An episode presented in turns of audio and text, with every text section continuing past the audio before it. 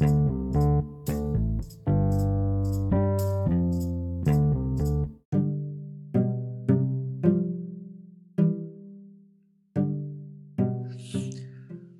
Assalamualaikum warahmatullahi wabarakatuh Waalaikumsalam warahmatullahi wabarakatuh. Kembali lagi dengan kita Keluarga Sotoy. Iya, keluarga Sotoy Keluarga kecil yang hidup di pinggiran kota Kyoto, Jepang Oke bun, gimana kabarnya bun?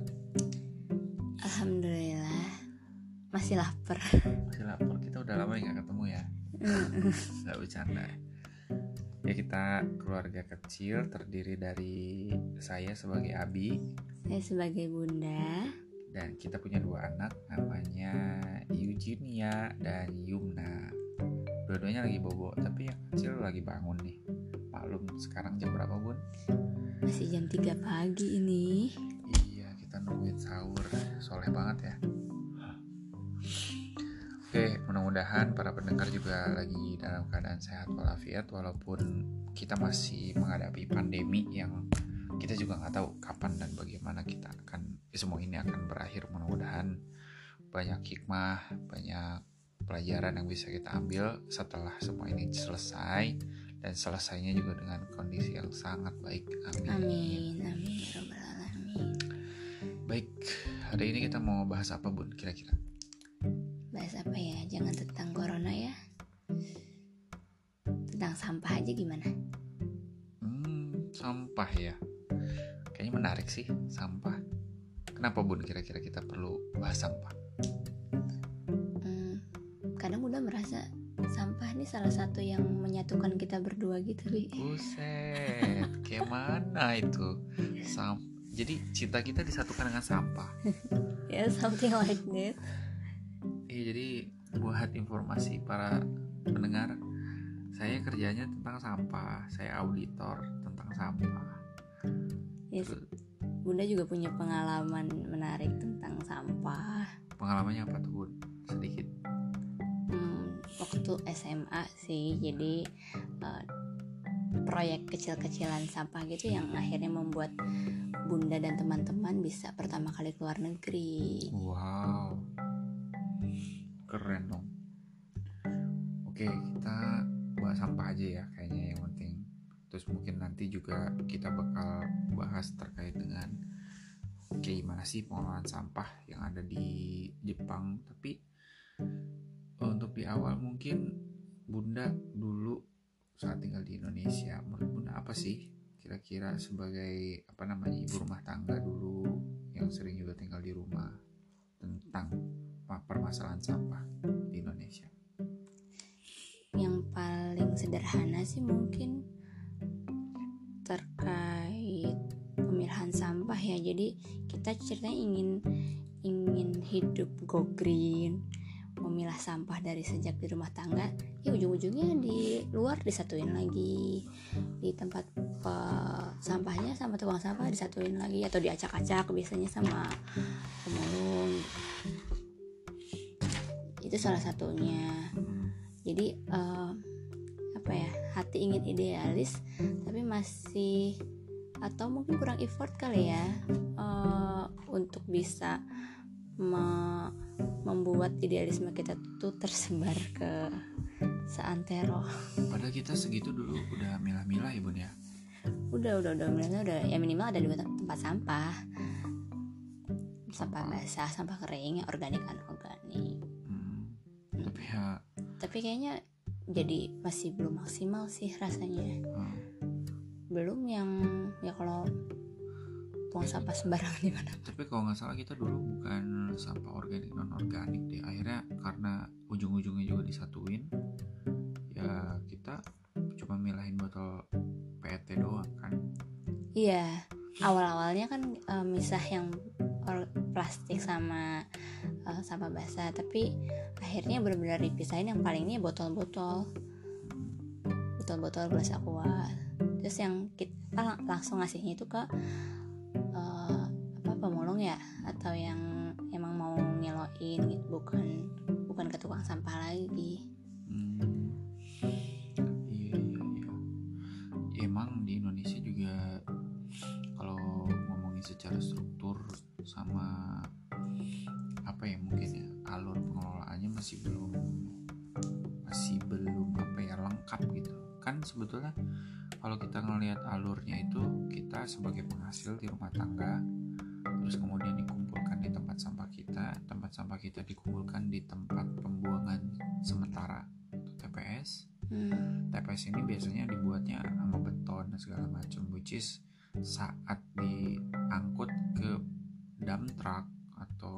sampah. Itu susahnya minta ampun karena udah campur sama air hujan Mm-mm. macem kayak gitu.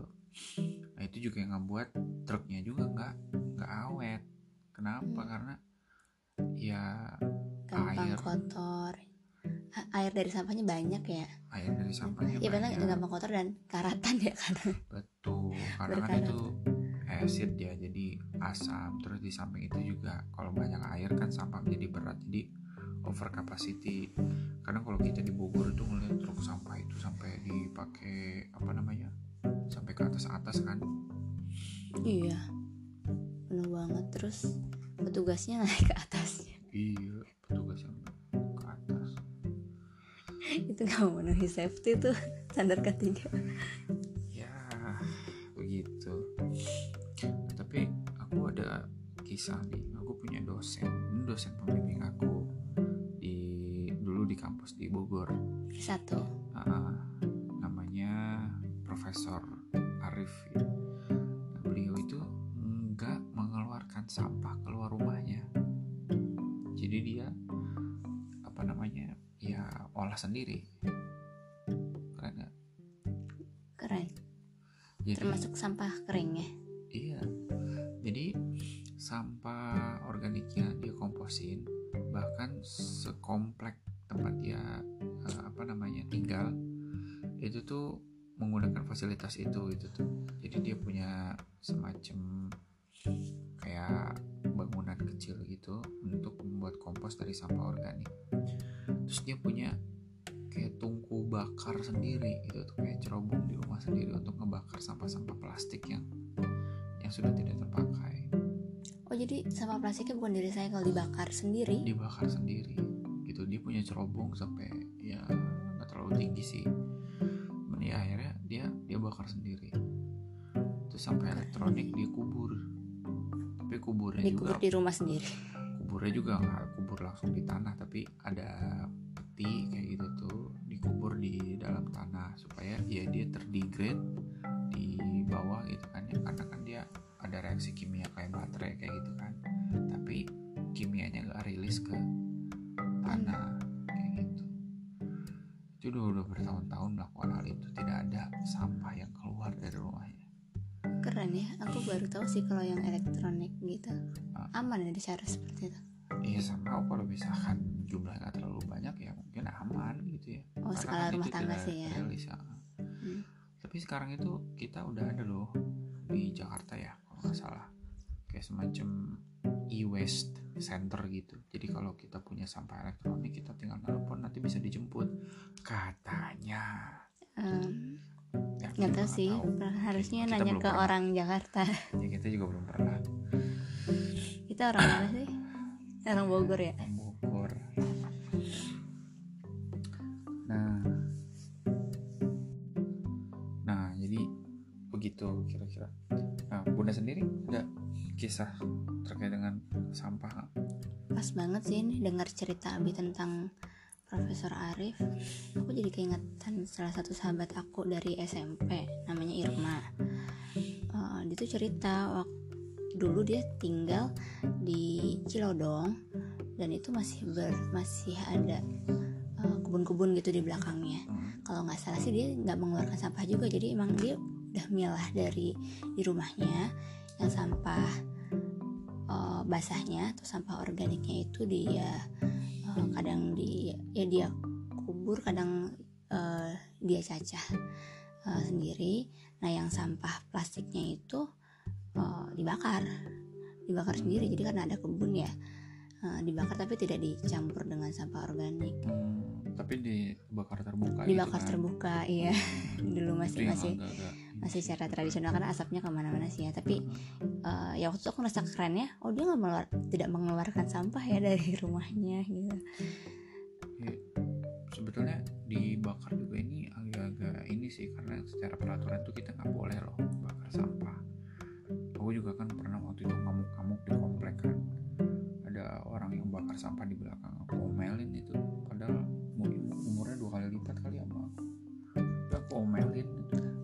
komplek perumahan mungkin ya tapi kok aku ke teringat salah seorang guru biologi aku kalau misalnya bakarnya di kebun justru bakar sampah itu malah jadi salah satu cara untuk mengusir nyamuk kan membunuh nyamuk jadi iya Bu. yang kebunuh bukan nyamuk doang lah.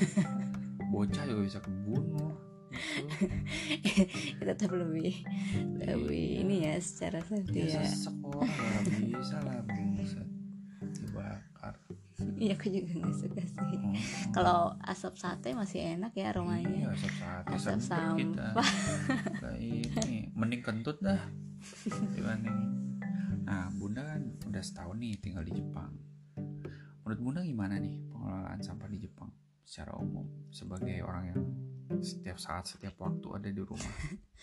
Menarik sih jadi sebagai pendatang dari negara berkembang ke negara maju dulu per hari pertama sampai di Jepang ingat banget eh, karena dulu dapat informasi dari banyak orang kan oh pengelolaan sampah di Jepang ribet terus aduh duh, ini yang dipilih apa aja nih harus wadah sampahnya seperti apa?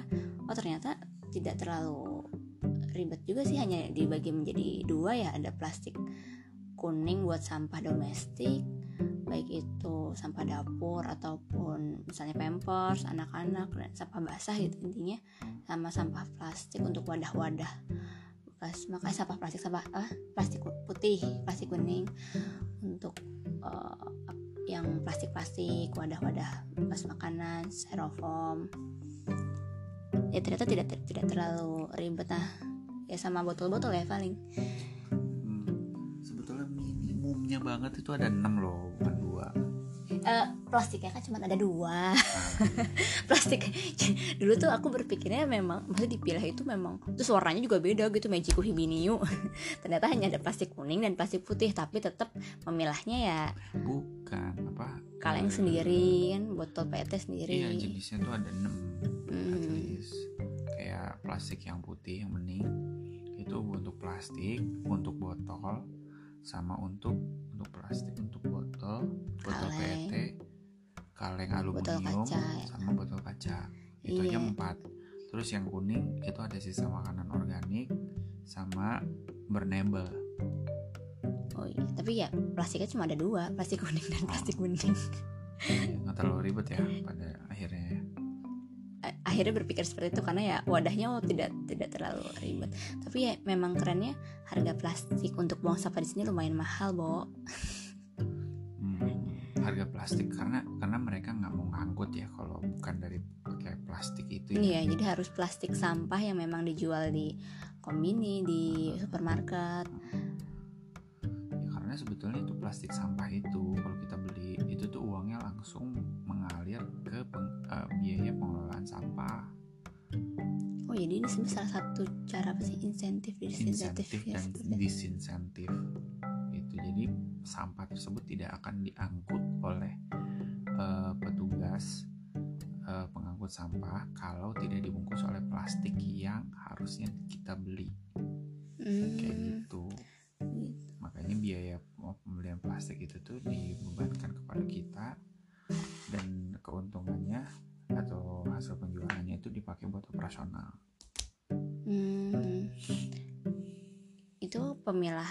dari di rumah tangga ya. Nah, yang eh, menarik juga dulu waktu tinggal di Sugakuin sih bisa buang sampah kapan aja ya karena ada eh, penampungan kayak TPS-nya di asrama kan. Nah, begitu kita pindah, hal pertama yang langsung Bunda pikirkan dan khawatirkan adalah terkait jadwal. Ada jadwal pembuangan sampah dan kita tidak bisa menaruh sampah. Ya, sini nggak ada TPS ya. Keren loh. hmm, nggak ada Nggak ada TPS model yang dari beton atau bahkan dari plastik Oh, tidak ada wadahnya. Jadi cuman jaring jaringnya tuh cuma dicantolin di pagar gitu. Nah, jadi kita harus mematuhi jadwalnya gitu. Kalau hari Senin dan Kamis itu untuk sampah bernabel yang plastik kuning. Hari Rabu itu untuk plastik bening yang wadah-wadah. Oh, kemudian nah yang ini sebenarnya jadwal botol kaleng dan apa sih botol kaca eh, nggak yakin tapi nebaknya sih kayaknya setiap hari Jumat pekan ke satu dan ketiga. Ini karena baru tinggal dua minggu di sini. Ya kemarin kalau nggak salah Jumat ada tuh di minggu pertama. Nah ini nggak tahu di pekan ketiga nanti ada apa enggak yang bikin penasaran lagi itu kan uh, terjadwal terus pemilahan kita di rumah tangga. Nah setelah itu dibawa ke mana sih? Hmm. sampah-sampahnya pengelolaan lebih lanjutnya. Kalau kita tinggal buang terus diangkut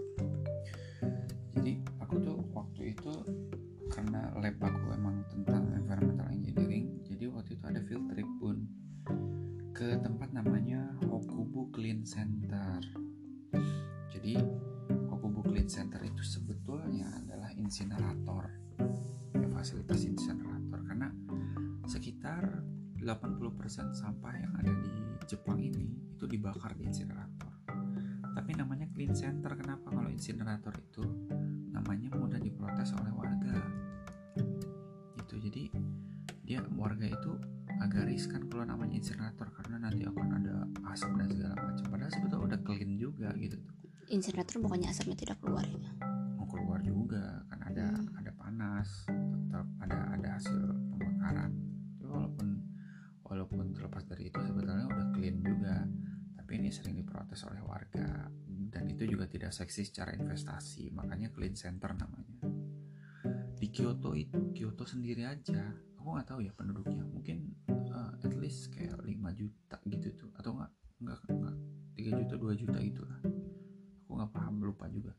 Nah sampahnya itu masuk ke semuanya masuk insinerator. Di Kyoto tuh ada tiga insineratornya. Jadi per tahun itu sampai 200 ribu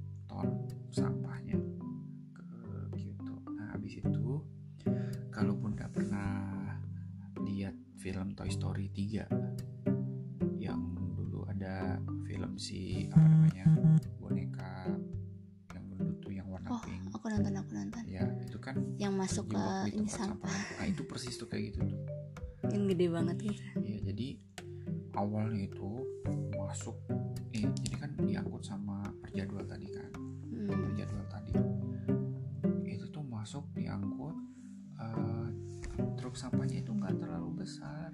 Kapasitasnya itu mungkin cuman berapa ya? Cuman 4 meter kubik doang. Sedangkan kita itu sampai 6 aku aku lihat kok eh, kan. tiap-tiap ya tiap mengangkut ya warna biru truknya terus tertutup atasnya enggak tidak terlalu besar ya, ukuran truk kecil lah kan Iya, kalau di sana kan kita ada truk kecil ada sedang ada besar ya Hmm.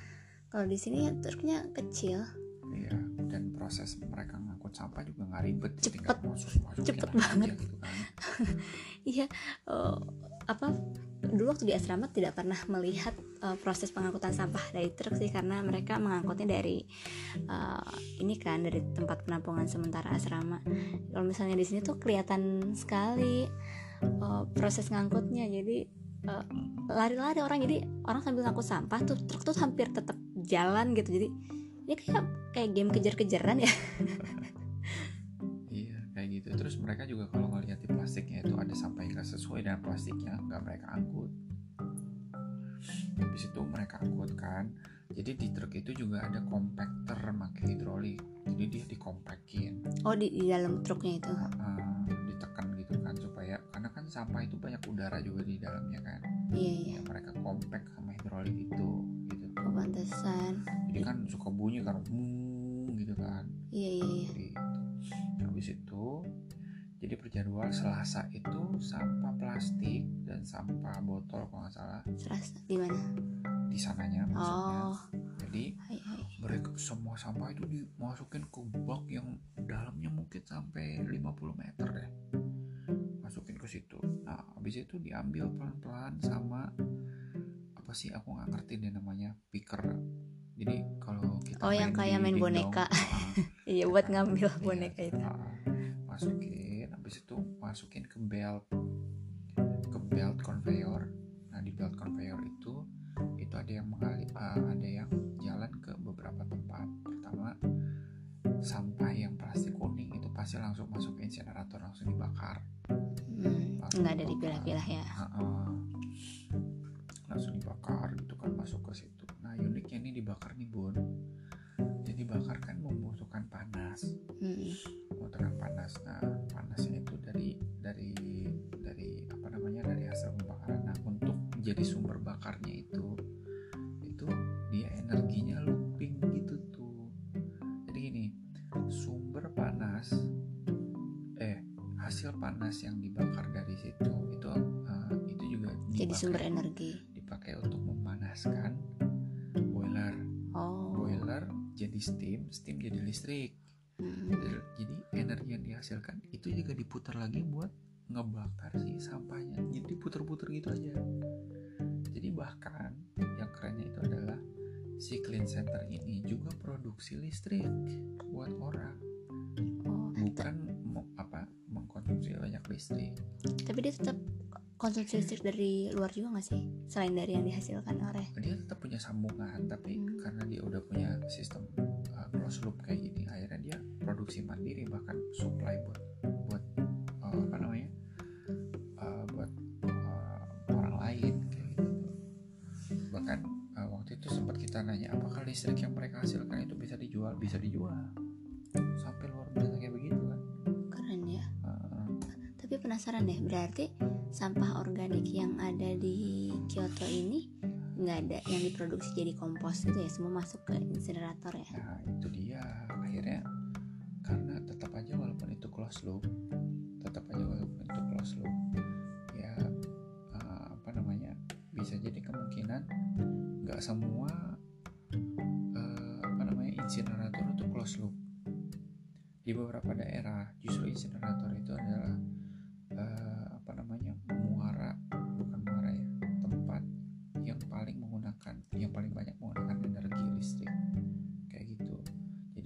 boros energi. Kedua walaupun itu close loop dia tetap terjadi pertukaran energi yang sangat masif di dalam situ gitu tuh. Kebayang sih. Nah, jadi pertama risikonya juga besar. Hmm, dan bukan tanpa biaya loh itu walaupun close loop maintenance-nya juga nggak sederhana. Kayak gitu. Biaya maintenance-nya juga nggak sederhana. Risiko besar apa ya? Gue masih Iya, ya konslet lah dan segala macam. Apalagi kalau misalkan dia udah punya transmisi masuk ke jaringan listrik kayak gitu tuh, Hmm, itu bisa jadi konslet. Aku nggak tahu lah, aku nggak ngerti listrik. Cuman eh, walaupun dia bilang listriknya bisa dijual, tapi kan yang namanya listrik dia butuh steadiness ya, dia butuh kontinuitas. hmm, Yang namanya energi dari sampah nggak bisa nggak bisa dibilang eh, seragam setiap saat kan corona kayak gini bingung juga itu sampah bisa naik kalau bisa turun ya bisa jadi naik karena konsumsi di Domestik lebih banyak. domestik lebih banyak karena orang lebih banyak di rumah itu misalkan ya kita jadi sangat terus eh, misalkan dalam dalam fase golden week misalkan yang seminggu itu kita libur itu juga ngaruh kepada sampah jadi nggak bisa steady gitu tuh pertukaran Hmm. energinya dan bahkan dosenku juga bilang bahwa dulu itu pada saat habis pasca perang dunia ya teknologi insinerator itu dipakai sebagai shortcut untuk menangani masalah sampah yang sangat besar. Sampai akhirnya tanpa disadari mayoritas menggunakan insinerator jadi pada pusing semua juga. Gitu. Di satu sa- di satu sisi membutuhkan banyak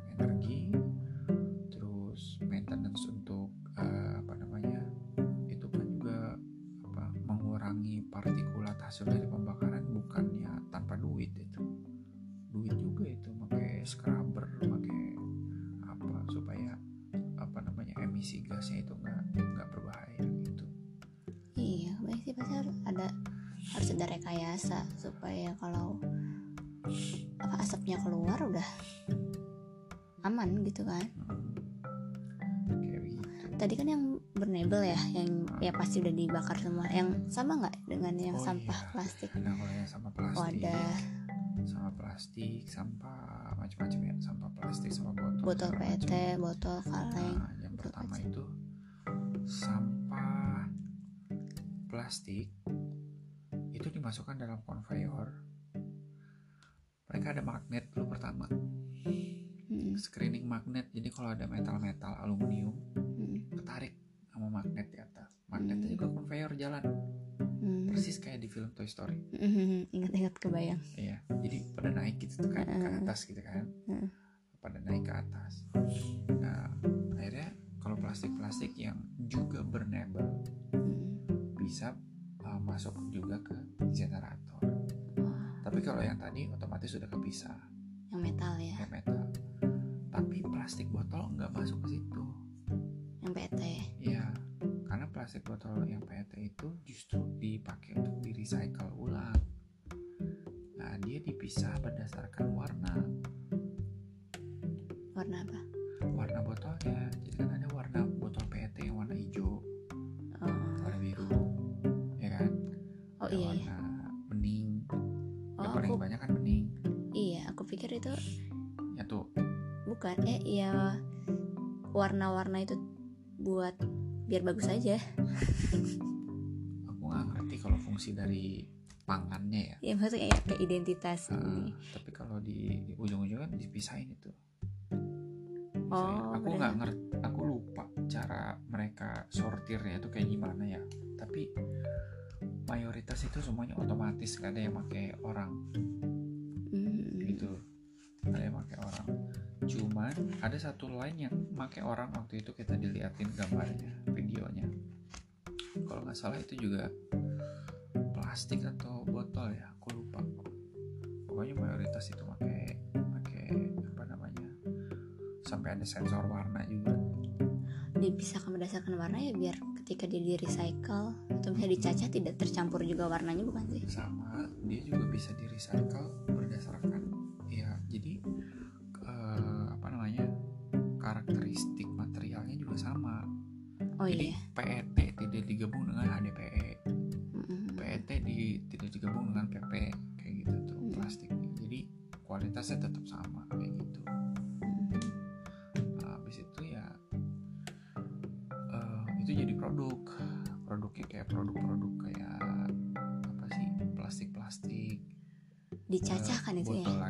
gitu aku Hmm. cuma nggak tahu tuh kita waktu itu nggak dijelasin tuh kita apa mereka tuh produk hasil recycle-nya itu apa aja yang dilihatin itu cuma kaca Oh iya ya. botol kaca, Kaca itu sama kaleng nih. dijadiin Nah, kaca sama. lagi gitu tuh Tapi dihancurin dulu nggak? dihancurin dulu nah itu juga disortir berdasarkan warna itu Iya. Heeh.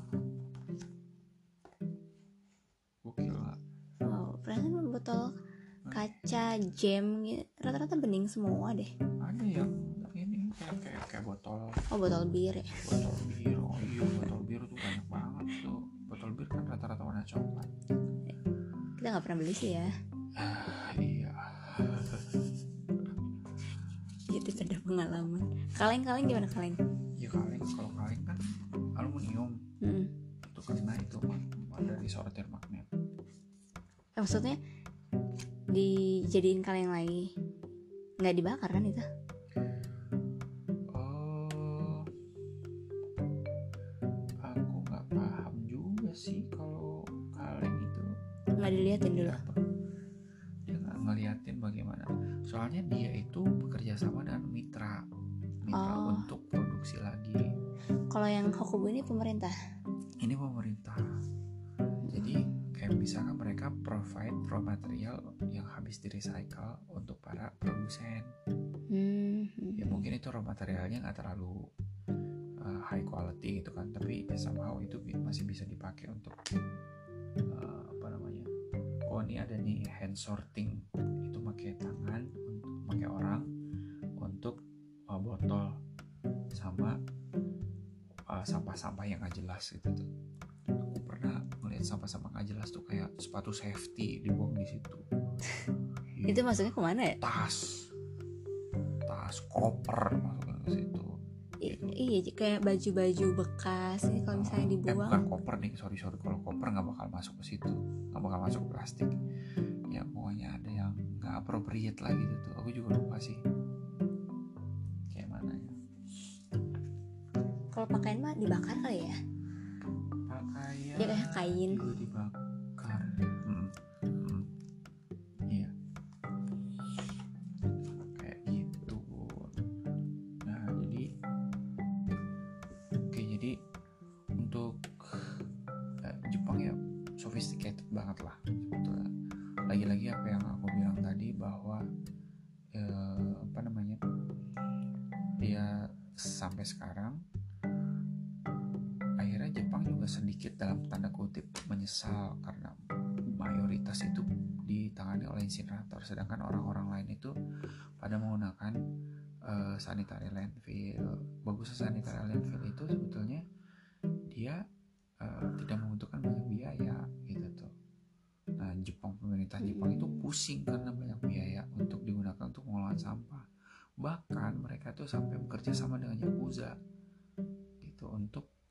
Jadi Yakuza yang membiayai pengelolaan sampah gitu tuh. Kamu boleh deh bisnis berbagai macam di Jepang gitu tuh. Tapi Serius? kamu bantu pemerintah iya. Kayak gitu. Ya di sini buang barang elektronik juga mahal banget ya. Hmm. Nah, buang kulkas aja bayar bisa sampai berapa juta gitu dikerupiahin jadi kalau dari kesimpulan dari aku sih eh, ya Indonesia memang kalau dibilang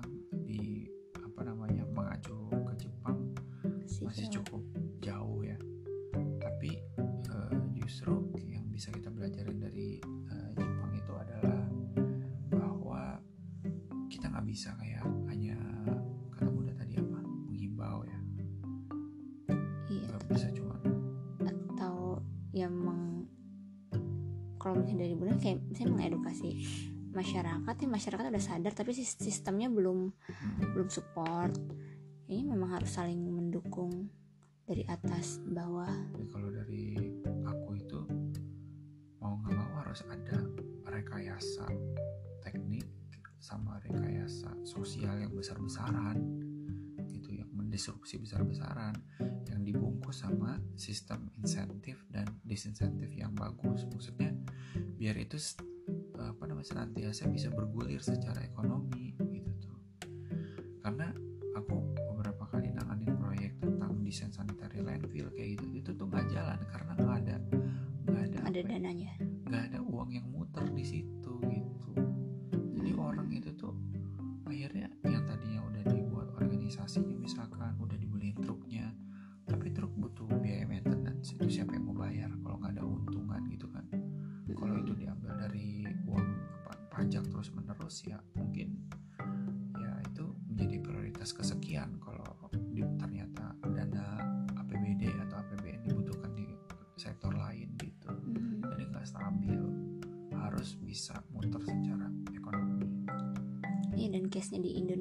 juga eh, daerah-daerah atau desa-desa yang mandiri secara pengelolaan sampah.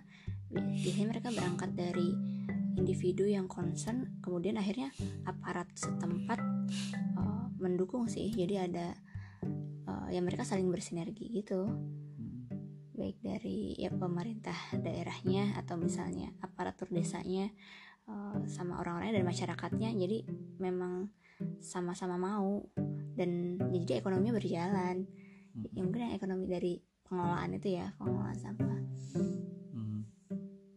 tapi itu kan skala kecil ya skalanya per Iya. desa atau per itu tuh udah ada loh kayak aku waktu itu pernah mau bisnis eh, sampah plastik kan itu tuh sampai mafia mafianya juga ada loh di Indonesia jadi kayak mereka itu kayak udah jaringannya udah kuat Besar gitu. ya. Dia tersentuh sebetulnya sama pemerintah gitu tuh somehow tapi sama plastik jadi hasil dari cacahan itu dikirim lagi ke Cina.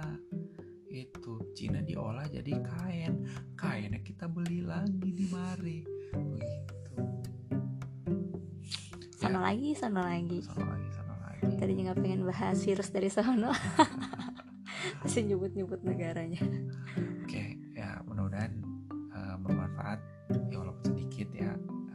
sotoy-sotoyan kita sotoy-sotoyan itu hitung isi waktu luang teman-teman yang lagi ada di eh, rumah karena work from home Oke, sekian dari kita. Mudah-mudahan bermanfaat sekali lagi sampai jumpa di episode selanjutnya. Kalau ada request, misalkan apa yang mau eh, dibahas gitu, bisa kirim ke email. Emailnya di gyogaswara@gmail.com. Sekali lagi, gyogaswara@gmail.com. Terima kasih. Wassalamualaikum warahmatullahi wabarakatuh. Waalaikumsalam warahmatullahi wabarakatuh